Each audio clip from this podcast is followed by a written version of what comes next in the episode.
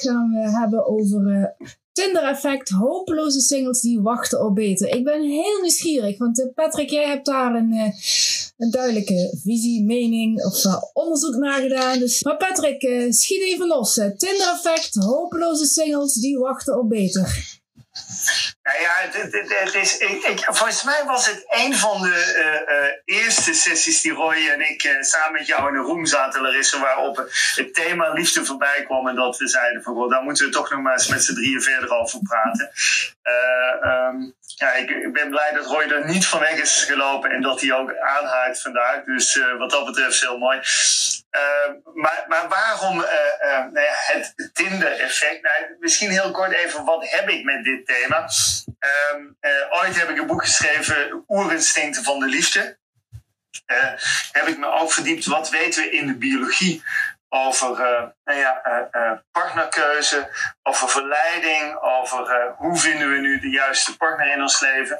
Um, overigens, in de begin drie jaren van het tv-programma Married at First Sight had ik de gelegenheid om daar als expert deel te nemen en vooral ook mensen te proberen te matchen. En daar ontstond voor het eerst het moment dat ik het woord Tinder-effect gebruikte. Of in ieder geval het Tinder-dilemma. En wat is dat eigenlijk? Dat heel veel singles merken die die zijn op zoek naar de ware liefde. En in die zoektocht uh, heeft Tinder er min of meer voor gezorgd dat je het gevoel krijgt dat je altijd verder kunt blijven swipen. Um, en waarbij je waarschijnlijk de ideale partner nog gaat vinden of tegen gaat komen. En wat we weten uit de biologie, hoe onze oerinstincten eigenlijk functioneren, is dat we op zoek zijn naar een partner. Uh, waarvan we eigenlijk zoeken naar de partner binnen het uh, aangeboden of binnen het aanbod dat beschikbaar is. En dat we daar eigenlijk op zoek zijn naar de allerbeste kandidaat. En het, het, lastige is eigenlijk, of het vervelende is, dat mensen tegenwoordig een soort idee hebben gekregen door Tinder. Dat je maar door kunt blijven swipen en dat er altijd weer een betere kandidaat voorbij gaat komen. Uh, uh, uh, echt de ideale partner. maar dat zorgt er dus ook uiteindelijk voor dat mensen heel snel opgeven in een relatie maar ook snel uh, geneigd zijn om verder te zoeken. Terwijl de realiteit is uiteindelijk dat ook Tinder beperkt is en dat die voorraad uh, potentiële kandidaten echt heel erg gelimiteerd is. Maar ja, die illusie die je krijgt, en het is echt een illusie, is dat je maar vrolijk kunt door blijven swipen. En dat zorgt ervoor dat heel veel singles langzaam hopeloos, moedeloos uh, uh, uh, geneigd zijn op te geven. Want ja, het lijkt erop, ondanks dat ze blijven doorswipen, dat die ideale partner toch niet gaat komen. Ja, ja, ja. Ik, heb, ik, ik ken Tinder in die zin zelf niet. Maar um, zeggen, Tinder ontstond pas nadat ik mijn ideale partner al gevonden had. Maar wat ik ervan begreep is dat Tinder inderdaad ook een beetje het idee is om, om snel te scoren. Uh, tenminste, dat, dat is wat ik een beetje zo links en rechts heb opgevangen. Nou ja, wat, overigens, er zijn heel veel type apps hè, die ongeveer allemaal op hetzelfde uh, uh, principe gebouwd zijn.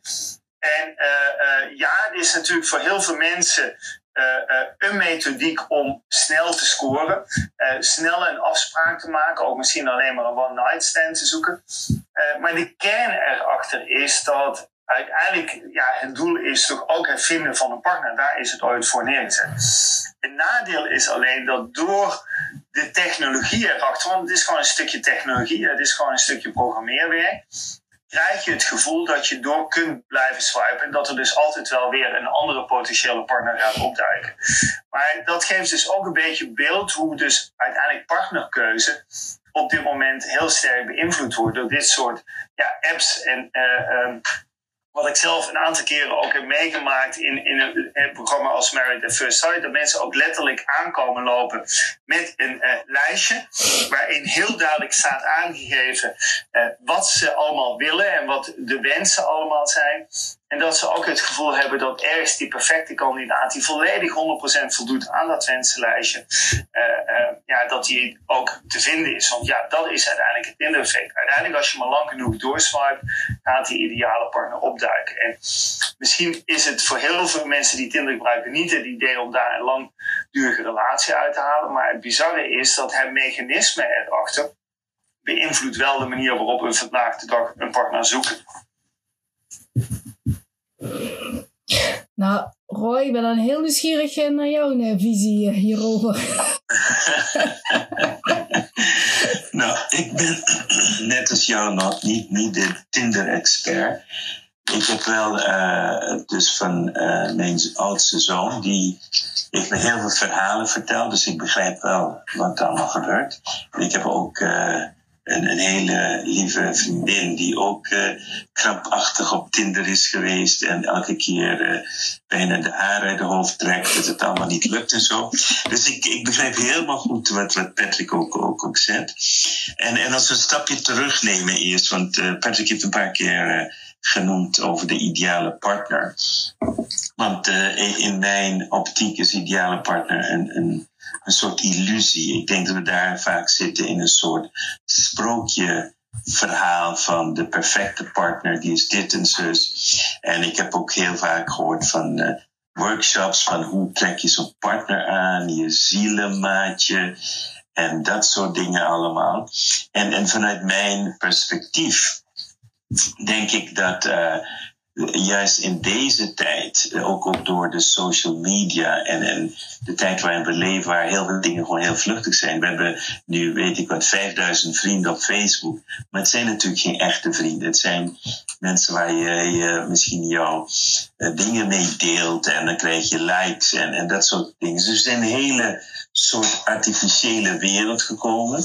Waar, waarin, laten we zeggen, bijvoorbeeld het woordje vriendschap is natuurlijk niet meer wat het betekent, wat vroeger is. En wat we natuurlijk zien is dat hoe we nu in contact komen met mensen op een heel andere manier is dan vroeger. Nou ja, in mijn periode was het dan ging je uit en dan ging je, weet je, ging contact maken. En of je was uh, introvert en verlegen, of je was juist extrovert. En dan ga je naar feestjes, je gaat naar bars. Het was een heel andere gevoel van tijd. En nu ja, is voor het eerst, uh, nu, nu praat, ik me oud begin te voelen. Ik denk, jezus, ik heb gewoon de hele periode gewoon niet meegemaakt. En, en tegelijkertijd, uh, als ik terugkijk naar mijn eigen ervaring, uh, begrijp ik ook wel hoe moeilijk het kan zijn om, juist een, een, partner te vinden waarmee je niet alleen een klik hebt, maar ook een basis kunt opbouwen voor, voor de rest van je leven of voor een langere tijd. En, en samen kunt groeien en, en bloeien enzovoort enzovoort. Dus de, de, ik denk de definitie van ideale partner, en dat we daar even ernstig naar moeten kijken. En dat vind ik ook het bezwaar van, van deze technologie met, met Tinder, is dat de mensen natuurlijk alleen maar het goede neerzetten. En had ik ook met mijn eh, zoon erover. Ik zeg, er zijn een paar dingen die ik denk dat je anders moet doen. En dat je ook veel meer moet richten van een balans, van ook, ook kunnen durven authentiek te zijn van de dingen die je niet uh, wilt of waar je niet goed in bent. En, en veel eerlijker zijn in plaats van zo'n roze geuren schets te maken van jezelf enzovoort enzovoort. En sinds hij dat uh, ook is gaan doen, is gewoon alles veranderd. En hij heeft nu ook een partner waar hij voor het eerst een, een langere tijd mee is. Omdat hij bijvoorbeeld, hij is dus iemand die heel gestructureerd is. Hij, hij wil door de week werken, het weekend vrij. En hij geeft heel scherp zijn grenzen aan. En op het moment dat hij dat ook is gaan uh, weergeven op Tinder, kreeg je dus een heel ander type partner. En van die uh, kennisvriendin van mij, uh, wat ik van haar hoor, is dat er de, de teleurstellende is dat mensen zich zeg maar op een bepaalde manier ook neerzetten en wanneer ze tegenkomt blijkt de, niet de echte persoon te zijn die je verwacht dat er is. Dus ik denk dat er vanuit dat standpunt gezien er, misschien ook meer educatie moet komen over eh, ik zou zeggen bijvoorbeeld communicatiestijlen, over weet je, authenticiteit en, en dat soort dingen en meer diepgang. En wat ik dus nu zie en hoor is het is allemaal een beetje snuffelen aan elkaar en, en als het niet bevalt dan ben je heel snel weg. Dus het is, uh, die, die bindingsangst is ook heel sterk aanwezig.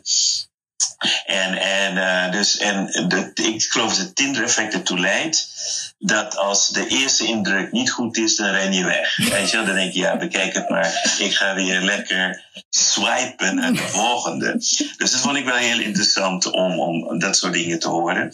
En, en uh, waar, waar, als, hoe ik er naar kijk, dan zou ik zeggen, uh, de mensen mogen echt wel uh, authentieker zijn in, de communicatie. Ook, ook beter aangeven van oké, wat, wat zijn de dingen die je zoekt in een partner. Maar niet, niet alleen van ideaal, maar ook weten dat elke relatie werk is. Het is, is, het is, het is een soort schijnbeeld dat iemand perfect moet zijn.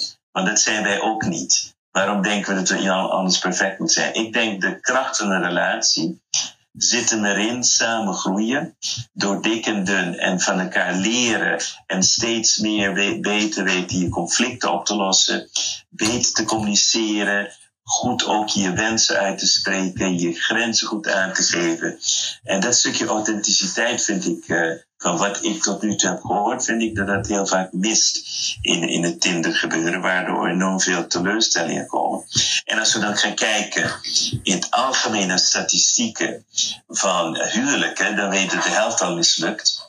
Dan zou je denken, de tweede huwelijk zal beter zijn. Dan hoor je daar uh, zo'n 62% mislukt. Bij de derde huwelijk is het de 70%. Dus schijnbaar leren we niet van uh, beter communiceren en dus diep, diepgang te vinden in huwelijken. En mijn gevoel is, of, of mijn idee is dat uh, we geen training hebben gehad om hoe in een relatie te staan. En dat stukje missen we in onze communicatie. We zijn heel vaak emotioneel onvolwassen en weten niet goed onze wensen en grenzen aan te geven. Dus ik denk dat, uh, of het nou Tinder is of een andere app, dat er heel veel mist en dat we heel vaak komen in een stukje oppervlakkigheid. Dat is mijn eerste reactie op Tinder, laat ik het zo zeggen.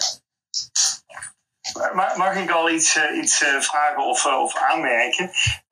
Tuurlijk. Krijg maar in, Larissa. Maar wat, wat, ik wel heel erg mooi vind, is, is jij, jij komt op het woord authenticiteit, Roy.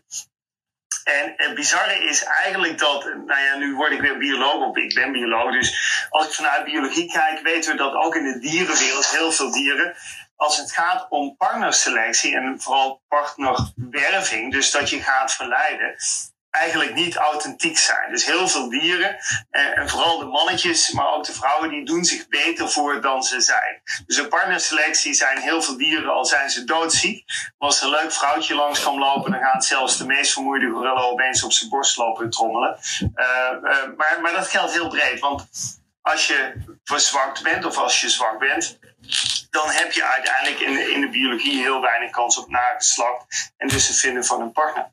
En we weten ook uit onderzoek dat het bij mensen vergelijkbaar werkt. Dus mensen hebben heel snel de neiging om, uh, um, als het in partnerkeuze gaat en het werven van een partner, om daarin een beetje te manipuleren. Traditioneel zeggen we altijd, vrouwen manipuleren, met name als het gaat over uh, hun uiterlijk, als het gaat over hun leeftijd. Dat is traditioneel, en, en er is ook onderzoek naar gedaan, iets waar vrouwen wat sneller toe geneigd zijn om mee te manipuleren. Mannen zijn over het algemeen meer geneigd om een beetje te manipuleren uh, als het gaat over wat is hun vermogen, wat is hun carrière. Dus vrouwen die liegen een paar jaar over hun leeftijd en mannen liegen een paar uh, uh, euro's over hun inkomen. En daar is mooi onderzoek naar gedaan, maar dat is traditioneel al heel lang een soort. Ja, mannen proberen hun status enigszins te overdrijven. En vrouwen proberen uiteindelijk hun kwaliteiten uh, qua gezondheid, leeftijd te overdrijven of beter te maken. Dus in de kern zit er ook ergens, als het gaat over partnerselectie, juist iets wat een tegenstelling is tot wat jij net noemt, Roy. Dat we proberen onszelf iets beter voor te doen dan we werkelijk zijn. Het nadeel van de huidige technologie is natuurlijk dat het nog een stapje vergemakkelijkt wordt. Je kunt tegenwoordig over een foto een filter gooien, zodat je jonger uitziet. Uh, uh, je kunt natuurlijk op uh, social media of op Tinder of waar dan ook jezelf portretteren met middelen die helemaal niet van jou zijn. En je kunt bij wijze van spreken letterlijk de foto maken voor een auto waar je alleen maar van kunt dromen. maar wel het op dusdanige manier portretteren dat uiteindelijk ook echt daadwerkelijk jouw auto lijkt. Dus de technologie heeft vooral denk ik een soort versnelling erin gebracht. Een soort uh, nou ja, extra trap erin gebouwd. Dat je eigenlijk veel verder kunt gaan dan wat we in ons brein, dat we in onze biologie kunnen uiteindelijk verwerken. En dat maakt ook die technologie zoals Tinder, apps, social media en partnerkeuze een heel lastig element. Uh, en denk wel heel erg goed aanpassen op wat Roy zei. Want het voordeel in de biologie is dat we zijn weliswaar geneigd om onszelf een beetje voor, beter voor te doen dan we werkelijk zijn. Maar uh, de biologie heeft ons ook heel erg goed uitgerust met antennes om er heel makkelijk doorheen te prikken. Maar ja, als er een tweede laag tussen zit, dat schermpje, dan wordt dat heel erg lastig. En wordt het dus ook heel erg complex om uiteindelijk die partner te vinden. En ja, wie dan de perfecte partner is, dat wordt dan al een heel interessante discussie, zoals Gooi dat ook uh, beschrijft. Ja, en, en daarop inhaken is natuurlijk.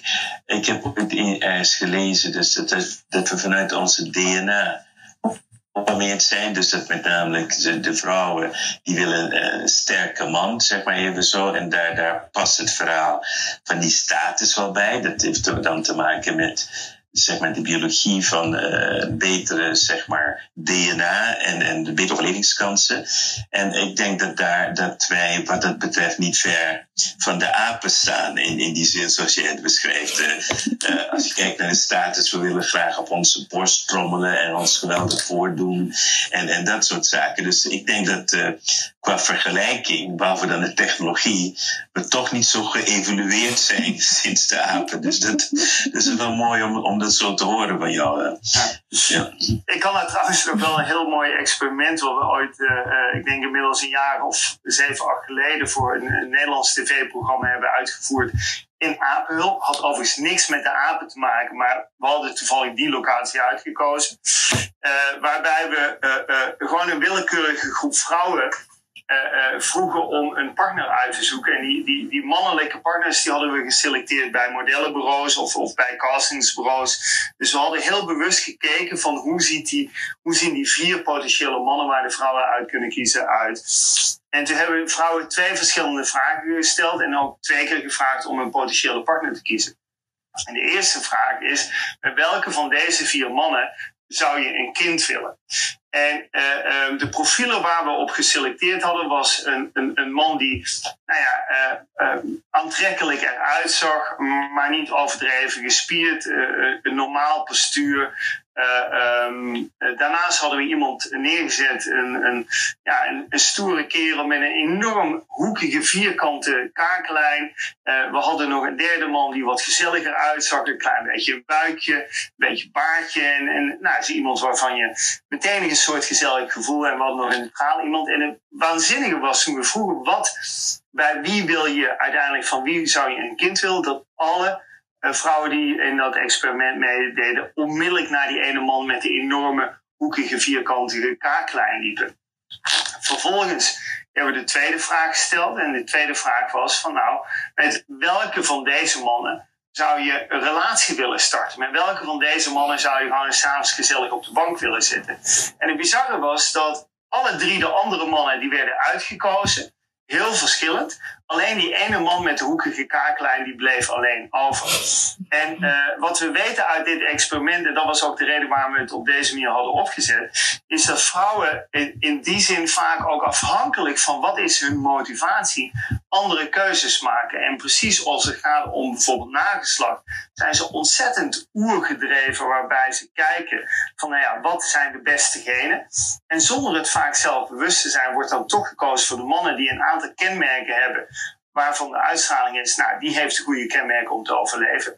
Terwijl op het moment als je de vraag stelt van met welke man zou je een relatie willen starten, uh, um, dan, dan weten we uiteindelijk, dan, dan gaan vrouwen hele andere selectiecriteria erop nahouden. En het bizarre is, er is ook prachtige onderzoek naar, naar hoe ditzelfde effect bijvoorbeeld werkt in de cyclus van vrouwen. Dan weten we bijvoorbeeld dat vrouwen tijdens de ijsprong andere keuzes maken dan buiten de ijsprong. Tijdens de ijsprong gaan ze juist ook weer naar die man op zoek met die vierkante kaaklijn. Ehm, en nou ja, op een moment als ze op zoek gaan naar een partner, uh, waarbij ze vooral ook nadenken om een relatie op te bouwen, dan blijken andere mannen grotere voorkeur te hebben. Nou, de les die ik daar eigenlijk uit mee wil geven, als je op Tinder zit uh, en je komt altijd een foute man tegen, zou ik bijna willen zeggen, controleer wel even voor jezelf of je niet alleen maar tijdens de ijsprong op Tinder zit, want dan gaat het uiteindelijk fout aflopen. Dat is de les die ik daar meegeef. Waarbij ik niet zeg dat alle mannen met een vierkante kaaklijn foute mannen zijn, maar het kan wel zo zijn dat je met iemand uiteindelijk op de bank zit waarvan je denkt, wil ik helemaal niet op de bank zitten. nou, je brengt iets heel moois naar voren. dat is precies waar ik het ook even over hebben. Want toch heel veel vrouwen hebben de neiging in eerste instantie dan kiezen wat, wat, ja, wat ik aanneem dat we het zelf bedoelen, foute mannen.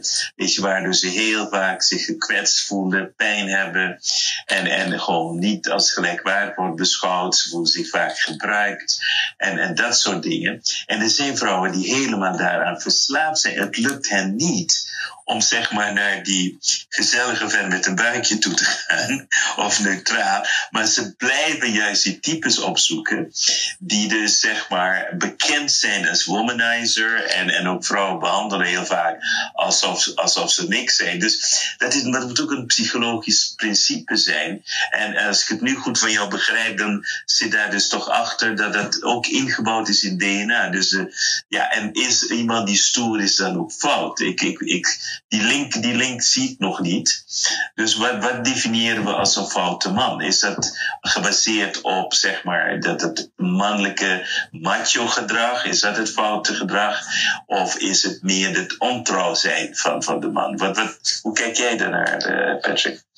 Nou, dat weten we uh, uh, redelijk goed. Um, we weten dat mannen die een hoger testosteronniveau hebben, um, uh, dat die dan op zo'n moment worden uitgezocht. Nou, hoe weten vrouwen uiteindelijk dat die man een hoger testosteronniveau heeft? De, de kaaklijn van mannen bijvoorbeeld, die groeit tijdens de puberteit onder andere onder invloed van testosteron. Dus de, de vorm van de kaak die wordt daar onder andere door beïnvloed. Het bizarre is dat dat vaak ook mannen zijn die juist tijdens de puberteit heel veel last hebben van acne. En, en dat, dat hangt heel simpel met elkaar samen. Testosteron is eigenlijk heel slecht voor je immuunsysteem. Het is bijna een immuunsysteemkiller. Uh, uh, maar dat heeft wel een aantal positieve kenmerken op de vorming van je kaaklijn. Maar testosteron doet eigenlijk veel meer. Het, het, het, beïnvloedt een aantal andere hormonen. Uh, vaak zijn mannen met een hoog testosteronniveau ook de neiging tot iets meer agressiviteit. Dus een nadeel is dat vooral die testosteron, dat dat leidt ook vaak tot karaktereigenschappen die wat minder stabiel zijn. Um, dat wil niet zeggen dat alle mannen die dat hebben ontrouw zijn of, of heel agressief zijn. Maar procentueel heeft testosteron wel een bepaalde invloed. En uh, um, nou ja, dat zijn wel de mannen die uiteindelijk door vrouwen heel interessant en heel aantrekkelijk worden gevonden. Maar het bizarre is dus dat het brein, en waarschijnlijk niet alleen het brein, het is vooral ook de neus van vrouwen, heel selectief daarop reageert in bepaalde periodes. En, en het is letterlijk iets van, waarvan ik dan zeg van, ja, maar ben je daar ook wel bewust? Ik heb wel eens vrouwen gehoord die zeiden, ja, en weet je, ik, ik, ik, ik, ik vind het zo lekker om af en toe eens op stap te gaan. Maar ja, ik eindig altijd met de foute mannen als ik op stap ga. Dat heb ik ook gezegd van, ja, maar heb je ook wel eens bijgehouden, wat zijn de momenten dat jij heel graag op stap gaat? Ja, dat bleek net op dat moment van de ijsprong in de cyclus te vallen. Dus ook hormonaal gebeurt dan in vrouwen iets waardoor ze net op dat moment ook meer openstaan voor een relatie, of in ieder geval voor seks. Ze staan meer open uh, om contact te maken. Ze worden wat opener in hun gedrag. En, en dat is vaak juist op, op zo'n moment een soort ja, uh, foute, uh, ja, connectie of een fout moment om een connectie te maken. Je, altijd, je moet altijd kijken of je de kerel ook nog leuk vindt als je ongesteld bent. Want dan heb je waarschijnlijk een goede match. nou, maar, heren, als, eh, als, als vrouwen in het midden. Leuk dat jullie, ik zou zeggen, onze menstruatiecyclus er zo lekker bij maken, halen aan onze hormonen. Maar uh, hoe zit het voor jullie mannen? Ik, bedoel, ik hoor ook mannen genoeg klagen van ja, wij vallen op de verkeerde vrouwen. En dat zijn de bitches en niet dat moedergevoel die goed voor mijn kindjes zorgt, noem maar op. Dus hoe zit het dan daarmee? die is heel mooi. ik, ik dacht altijd dat ik gewoon pech had. Ja, daar dacht jij, daar dacht jij. dat heeft te maken met jouw uh, menstruaties met je hormonenspiegel, testosterongehalte hoor ik net. ja, toch. Nou, nou ik, uh, ik zou ook zo daar geen, geen, geen antwoord op weten. Ik weet wel, voor mij is, is bij een vrouw is, uh, een stukje intellect heel belangrijk. Is dat je echt uh, goede gesprekken met elkaar kunt hebben. Dat je op een hoog niveau kunt, zeg maar uh, discussiëren, praten over dingen, uh, nieuwsgierigheid enzovoort. Maar het zijn ook heel vaak vrouwen die ook wat scherper zijn in het algemeen. Ik zal het nooit vergeten, een van mijn eerste relaties was echt super intellectueel, maar zo sarcastisch als ik weet niet wat. En uh, dus daar heb ik heel veel van geleerd. En dus ik zou nu, zou ik onder de, zij zou nu onder de definitie van bitch vallen, maar het was alleen naar mij toe. Dus, zijn dus niet voor naar anderen toe. Dus het kan ook heel vaak, zeg maar, territoriaal zijn. Of vaak, weet ik niet, maar in ieder geval, dat was, dat was mijn ervaring. En uh, ik, en ik weet niet of er een koppeling is tussen, zeg maar, een stukje meer intellectuele en, en, en, en wat, wat meer, ik, hoe meer dat zekerder zijn van jezelf of wat dan ook. Terwijl dus je andere type vrouwen hebt die veel meer meegaand zijn, veel zachter zijn en, en zeg maar, eh, en dat persoonlijk vond ik dat minder. Dat ik altijd koos voor dan die waar ik altijd ruzies mee kreeg, maar ook wel lekkere gesprekken mee kan hebben. Dus daar zit, ja, ik, ik moet nog een keer laten nakijken. Daar moeten een paar schroefjes los zitten. Maar zo heb je het Maar ik denk zeker dat Patrick als bioloog meer hierover kan vertellen. Uh, we weten daar wel iets van, maar het bizarre is dat we eigenlijk over mannen en hun keuzes veel minder weten. En, en een van de redenen daarvan is dat mannen waarschijnlijk veel minder selectief zijn. En uh, dat heeft ook alweer een biologische oorzaak als je, als je heel bazaal kijkt, wat maakt uiteindelijk dat we biologisch gedreven worden tot een relatie? Uh, dat is het verwekken van nageslacht. En dat, en dat, klinkt voor heel veel mensen als ja, maar dat is flauwekul en is ver weg. Maar realiseer je, in heel veel delen van de wereld is dit nog steeds een waanzinnig belangrijke drijfveer. Ook in onze westerse wereld is het nog steeds wel een heel belangrijk gegeven. En wat je dan ziet is uiteindelijk dat in de biologie van de vrouwen is verwekken van nageslacht altijd een vele malen grotere investering dan uh, voor mannen. En uh, hoe je het ook wendt of keert, hè, en, en dan kunnen we praten over gelijkwaardige investering in nageslacht en in kinderen, maar dat is natuurlijk altijd onzin. Uh, een man kan onmogelijk negen maanden zwanger een man kan onmogelijk biologisch gezien jarenlang borstvoeding geven. Hè. In, in, in, in oervolken ja, is borstvoeding best regelmatig twee tot drie jaar. En dat kan een man onmogelijk. Dus zeker in die eerste jaar is de investering van een man uh, veel geringer als voor de vrouw. En blijkbaar zijn daar de vrouwen uitgerust met een heel ander selectiemechanisme als mannen.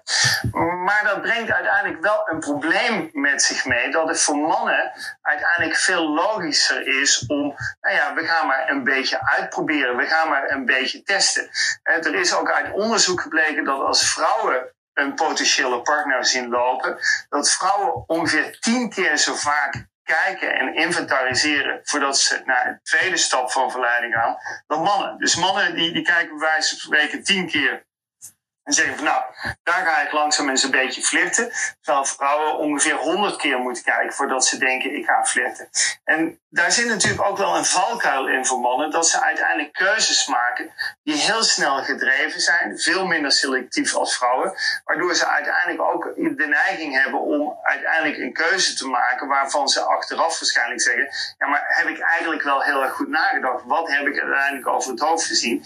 En uh, nou ja, het geldt zowel dat er heel veel horeken van mannen rondlopen en hetzelfde percentage ongeveer horeken van vrouwen rondlopen. Uh, dus uiteindelijk is er altijd wel een grote kans dat je iemand tegenkomt waarvan je zegt van ja, maar daar, daar word ik uiteindelijk niet blij van en daar word ik niet gelukkig van. Maar het selectieproces is voor mannen zeker heel anders dan voor vrouwen.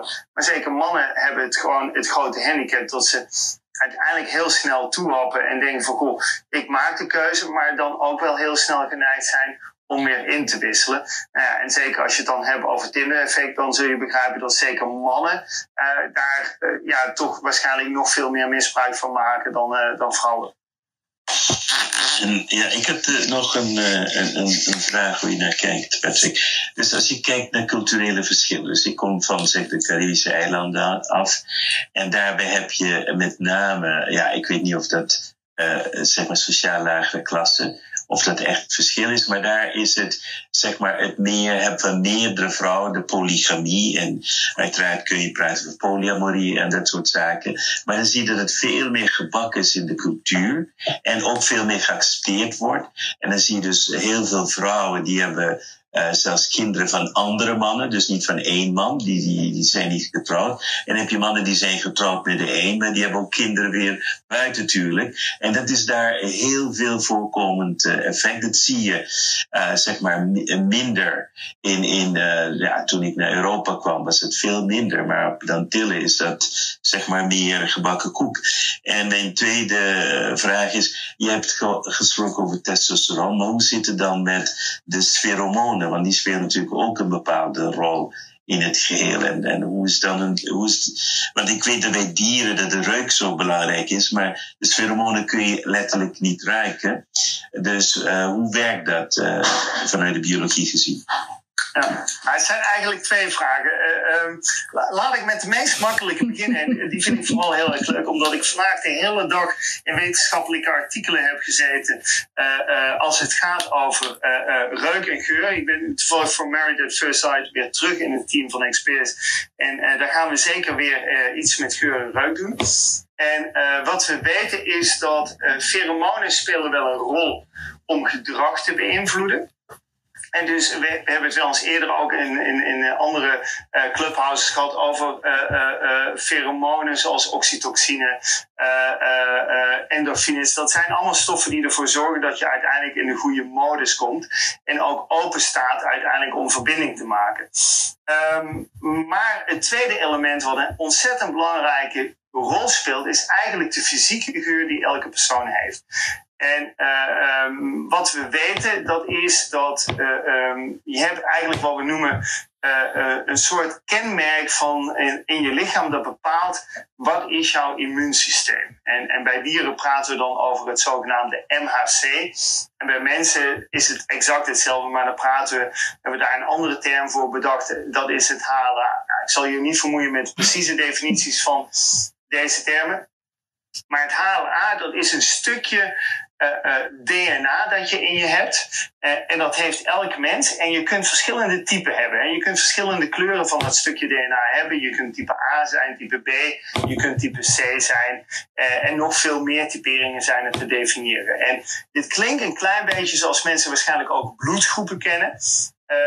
zoals je A, B, negatief, et cetera kunt zijn. Zo heb je dat ook voor dat stukje DNA HLA. Nou, lang verhaal.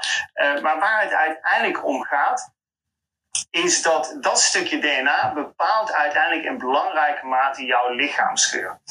Uh, en hoe houdt dat uiteindelijk verband met je immuunsysteem? Jouw immuunsysteem bepaalt welke bacteriën op je lichaam groeien. Bacteriën zijn de belangrijkste oorzaak van je lichaamsgeur. En afhankelijk van welk type immuunsysteem heb je dus een bepaald type lichaamsgeur.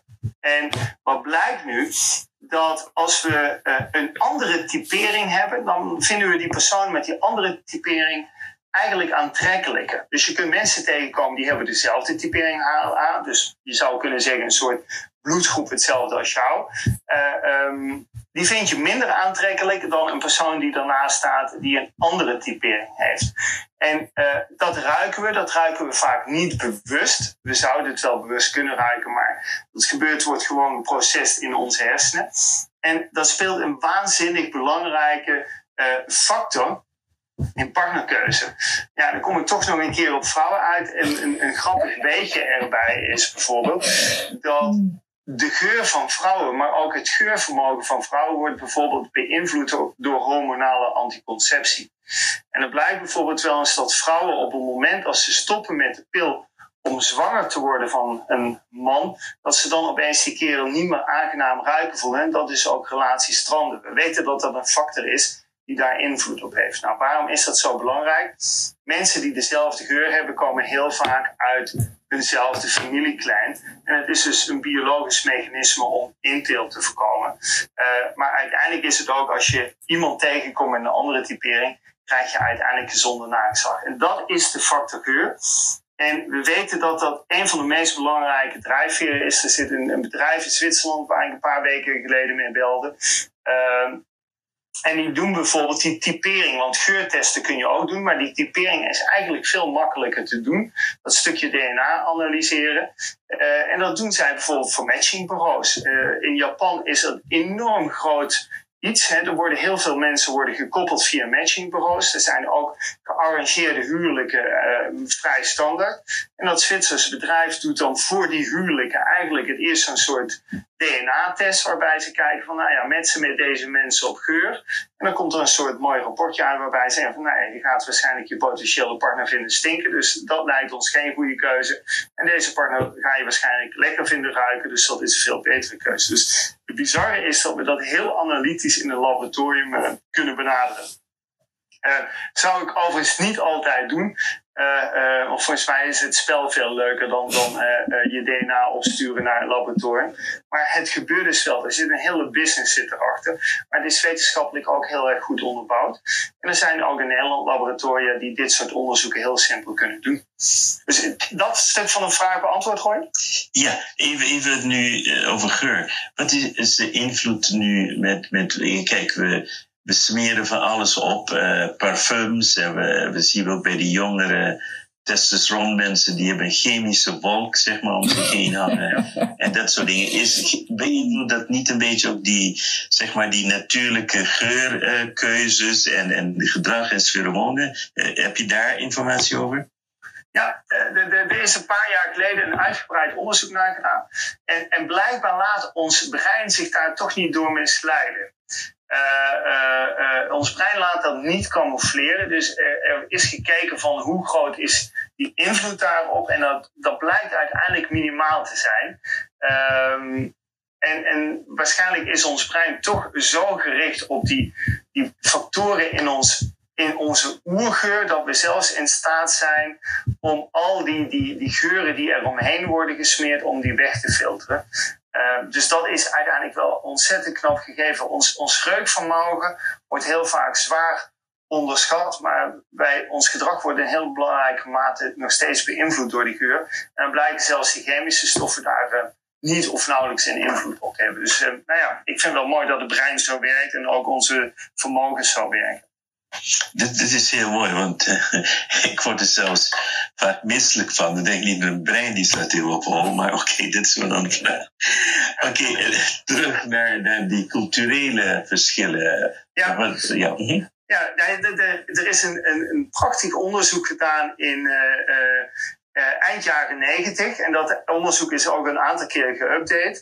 Um, waarbij een aantal antropologen hebben gekeken van nou, wat zijn nu de dominante stromingen in de wereld, cultuur, als het gaat om partnerrelaties. En zij hebben verschillende criteria neergezet. Hè. Ze hebben gezegd van nou, hoe vaak komt het nu voor dat er relaties zijn dominante culturen zijn waarbij het is vastgesteld dat vrouwen meerdere mannen hebben, waarbij dat de dominante cultuur is, dus ook het, het eigenlijk het algemene dagelijkse gebruik is.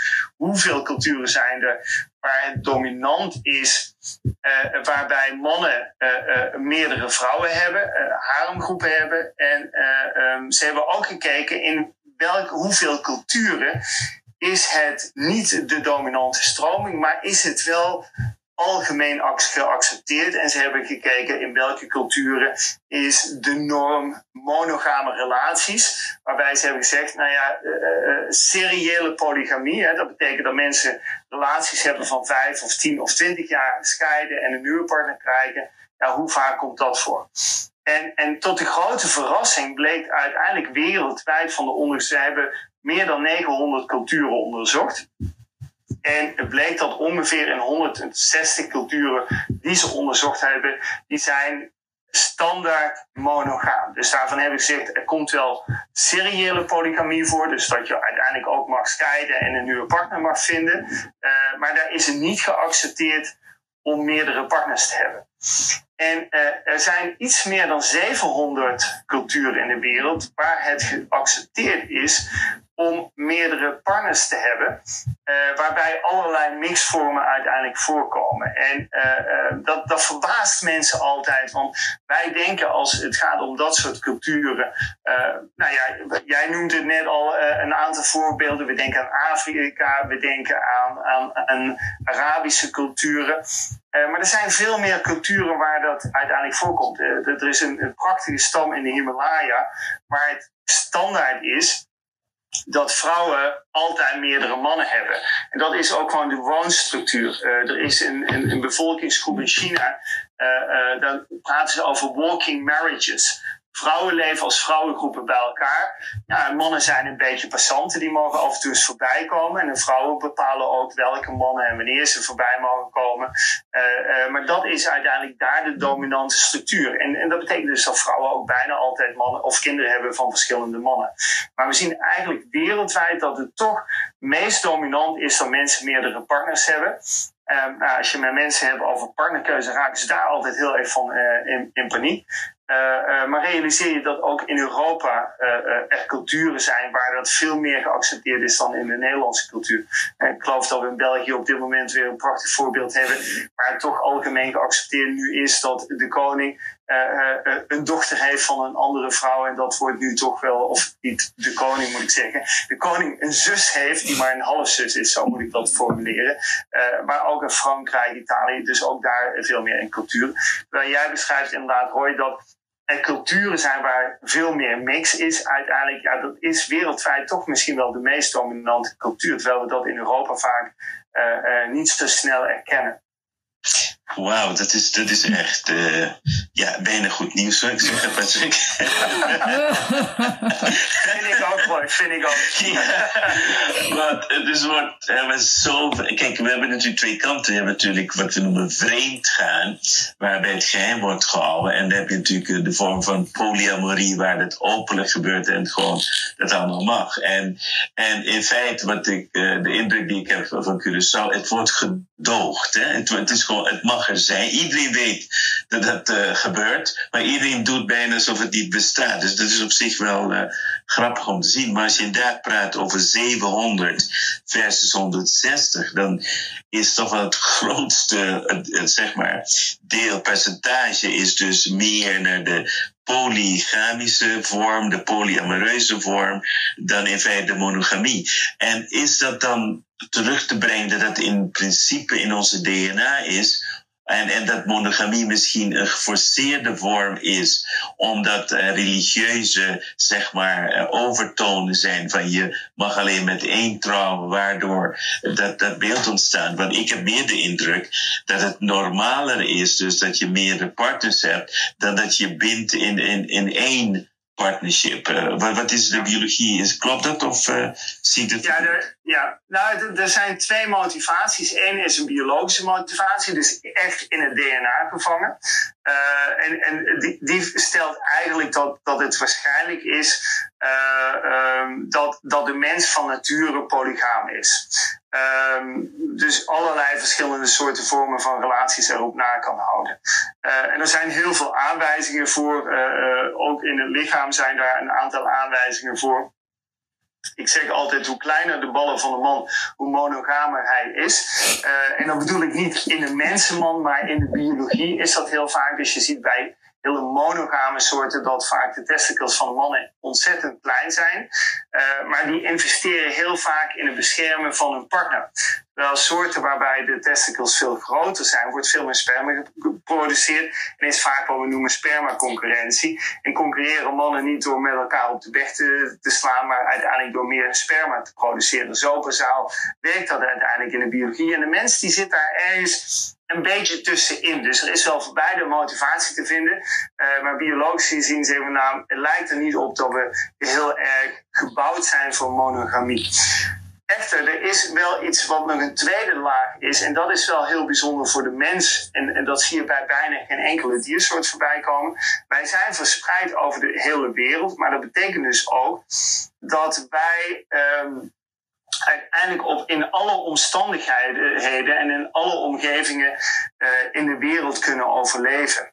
En het lijkt er uiteindelijk op, als je kijkt ook naar die antropologische studies, dat je daaruit kunt afleiden dat vaak ook de omgeving redelijk bepalend is voor de partnerstructuur. Dus als je kijkt naar die stam in de Himalaya, daar is uiteindelijk de omgeving zo armoedig dat wil je kinderen groot kunnen brengen, het vaak voor een vrouw lucratiever is om meerdere mannen te hebben die kunnen zorgen voor het nageslacht. Dus vaak zie je dat die mannen in die stammen ook broers van elkaar zijn. Uh, uh, terwijl in andere omgevingen uh, is bijvoorbeeld de keuze ervoor dat, dat vrouwen zeggen: Nou, de omgeving is zo arm. En er is dus een andere strategie gekozen, waarbij vrouwen uiteindelijk bereid zijn om mannen te delen die uiteindelijk het vermogen hebben of de vaardigheden hebben om bijvoorbeeld grote veestapels te onderhouden.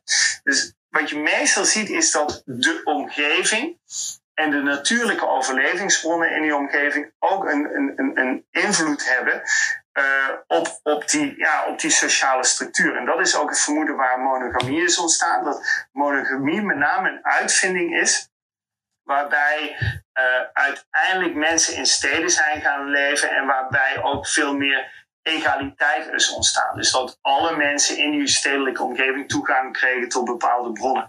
Uh, diversiteit van beroepen is ontstaan. Dus in die zin is monogamie waarschijnlijk meer een aanpassingsvermogen van het feit dat wij mensen in steden zijn gaan leven, dicht op elkaar zijn gaan leven, uh, dan uiteindelijk in de tijd dat we zijn gaan leven, uh, nou ja, toen we nog over die savanne heen zwierven.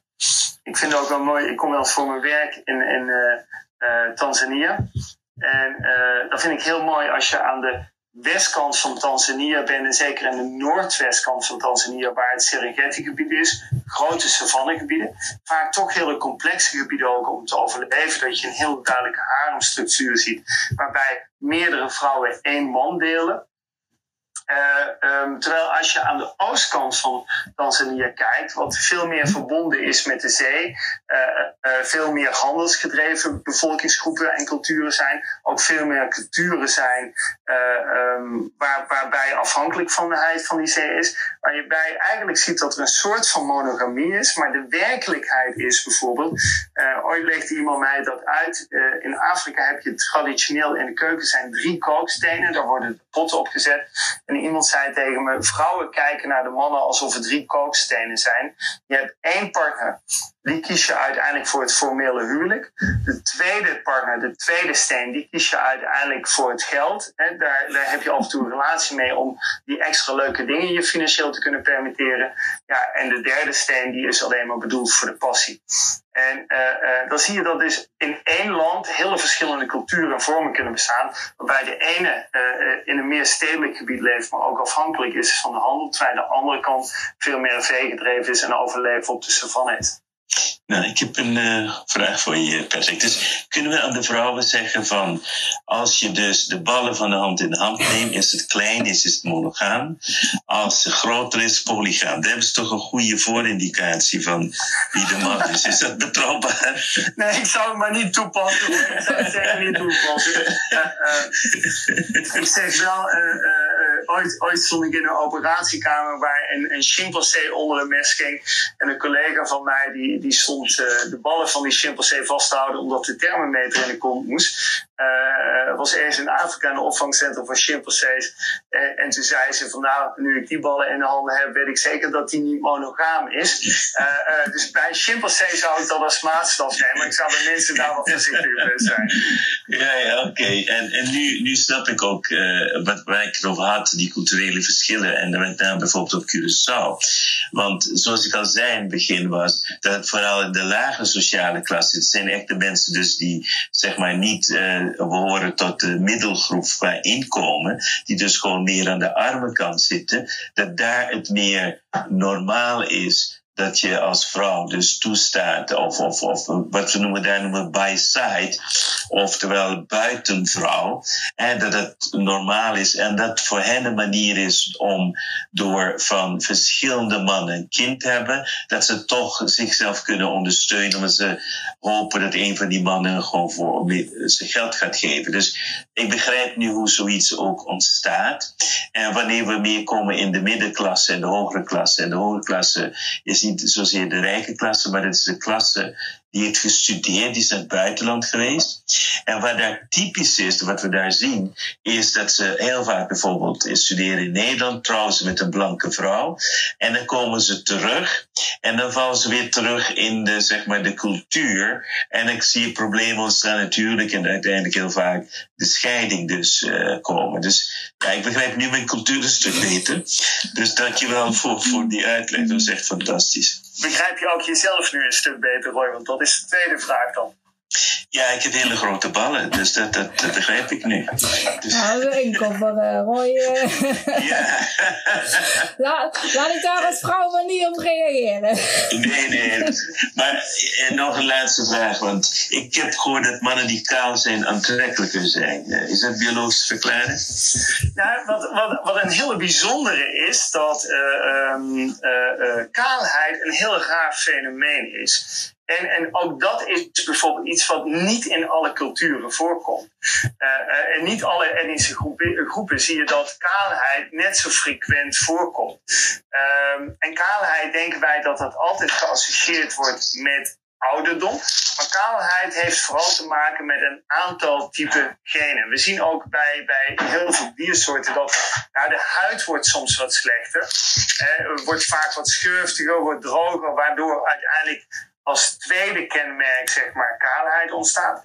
Maar bij mensen is kaalheid gewoon iets wat in je genen gedefinieerd is. En uh, dan is altijd de grote vraag: waarom is kaalheid in de biologie bij mensen zo succesvol? Want blijkbaar is kaalheid ontzettend veel verspreid. En we weten ook dat het nog steeds verder aan het toenemen is. En uh, de reden daarvan is waarschijnlijk dat kaalheid uh, um, wel een soort factor is die heel erg aantrekkelijk is voor vrouwen. Dus mannen worden er blijkbaar wel op geselecteerd. Waarom dat juist zo'n aantrekkelijke factor is, dat weten we niet goed uit te leggen.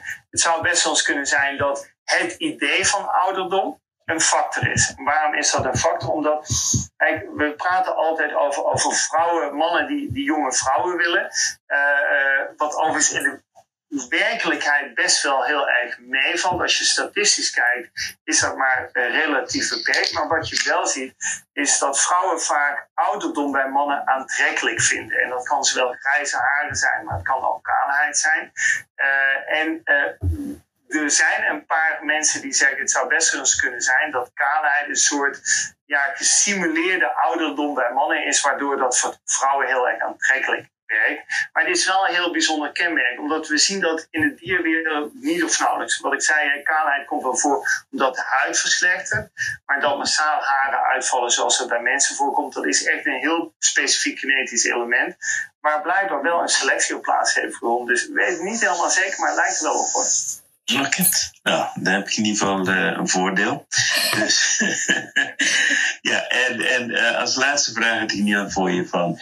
Uh, je ziet bijvoorbeeld mannen dus die heel erg behaard zijn, dus zeg maar ook op hun rug en overal enzovoort, enzovoort. Heeft dat te maken met testosteron, testosterongehalte? Dat zijn dus meer, en, en vaak zie je de combinatie ook dat ze eerder kaal worden over het algemeen. Is, is daar een relatie tussen? Ja, wat, wat we weten is dat testosteron heeft een heel slechte invloed op de, de huid. Um, dus het kan bijdragen als een factor tot kaalheid. Het is niet hetzelfde als de generieke kaalheid. Dus, dus mannen die gewoon vanwege dat typische gen kaal worden. Uh, uh, maar maar uh, ja, testosteron is gewoon iets wat een hele negatieve invloed heeft op onze huid, op vet in onze huid. Uh, het heeft invloed op het uh, immuunsysteem, waardoor je dus ook dat soort kenmerken als kaalheid voorbij ziet komen.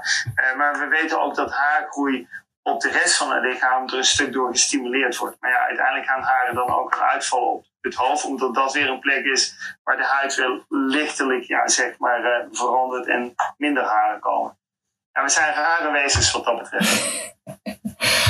nou ja, aan de ene kant ook gelukkig, maar uh, heren, eh, gezien de tijd, um, ik, zeg, ik wil het zo openstellen, zal zeggen, voor het publiek dat ze vragen kunnen stellen. Maar we zijn gestart met uh, door Tinder, um, sommige hopeloze singles die wachten op beter. We zoeken uh, naar een aanbod, naar de juiste kandidaat. Normaal gesproken vroeger via onze sociale kringen. Door Tinder doen we dat via swipen. En het lijkt oneindig, maar dat is uiteindelijk maar een illusie. Um, de app zorgt er nou ook wel voor dat mensen steeds meer komen met allerlei lijstjes. Hè. Ze hebben een beeld van de ideale partner. En Roy gaf heel mooi aan, ideale partner is eigenlijk een illusie. Maar door de artificiële wereld hebben we uh, te maken met social media. En daardoor hebben we, lijkt het alsof we heel veel relaties hebben, duizenden relaties. Dan zeggen, maar het zijn niet echte relaties. Uh, het bezwaar uh, wat Roy met name heeft tegen Tinder is, um, zeggen, het beeld, het roze wolk wat we creëren. We doen ons mooier voor dan we eigenlijk zijn. Waarop Patrick eigenlijk aangaf van ja, maar dat is eigenlijk heel logisch vanuit de natuur, vanuit de biologie. Zou zeggen, want de apenwereld doen we het ook en we lijken heel veel op apen. Dus het idee erachter is, we willen het beste nageslacht. Um, daarna hebben we het nog gehad over uh, de manier waarop we keuzes maken. Waar ik heel, heel blij ben. Mannen zijn minder selectief. Biologisch gezien is namelijk het doel nageslacht. En wat ik eruit haal als vrouw zijn, wij zijn veel meer bepalend. Dus eigenlijk zijn wij het sterke geslacht, hè, mannen. Jullie denken wel dat jullie het zijn, maar ik ben het, uh, nu al heb ik wel de conclusie dat eigenlijk wij het zijn. gehaald. Absoluut, absoluut, absoluut. we zeggen wel eens in de biologie, Larissa, this male dominance but female choice. Juist. Wanneer je zich druk te maken, maar het zijn de vrouwen die uiteindelijk kiezen. Precies, precies, precies. Hey, dus heren, ik, ik, denk dat we nog wel een uur door kunnen praten over uh, de liefde. Uh, wanneer, waar het eigenlijk niet eens gehad, Roy, over het spirituele aspect. Jij gaf inderdaad al aan, hè, mensen hebben een bepaald beeld, uh, ideale partner, zielenmaatjes, tweelingzielen, noem het maar op. Ehm, ik zou zeggen, dat, dat is misschien iets waar we de volgende keer op kunnen doorpraten, want het onderwerp de liefde blijft iets boeiends. en ik kom ook hier merken we dat we heel veel vragen hebben. Dus ik wil eigenlijk nu het uh, podium uh, zo meteen vrijgeven voor het publiek. Dus als je vragen hebt, uh, stel ze. Ik zal de recording zo stopzetten. En volgende week gaan we praten over leiderschap. Zit dat in ons DNA? Dus ik ben heel benieuwd, heren, voor volgende week. Mooi.